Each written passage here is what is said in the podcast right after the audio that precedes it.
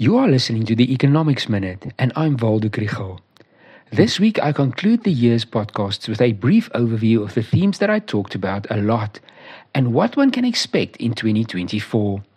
Today is about the South African economy. This episode is supported by the NWU Business School. Everyone will agree that 2023 was a tough year.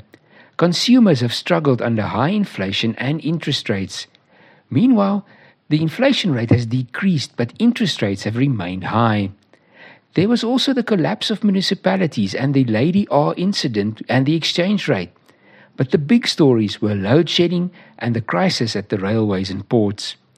Much has been written and said about the reform needed in the public enterprises, the plans being made, and the progress in carrying them out.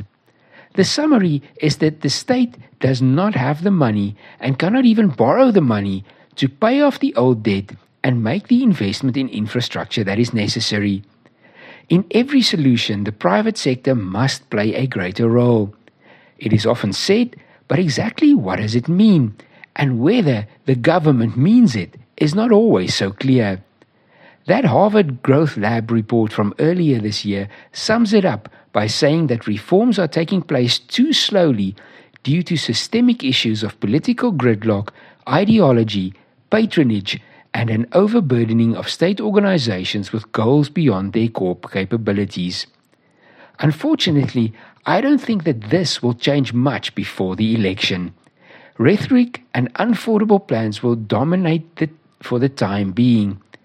The one bright light is that the private sector does not have to wait to become part of the solution. Private renewable energy generation is already happening. The post office and the SABC's functions have long been subsumed. Community organizations fight court cases and provide services. I say, make it a 2024 resolution to make a difference in your town or community.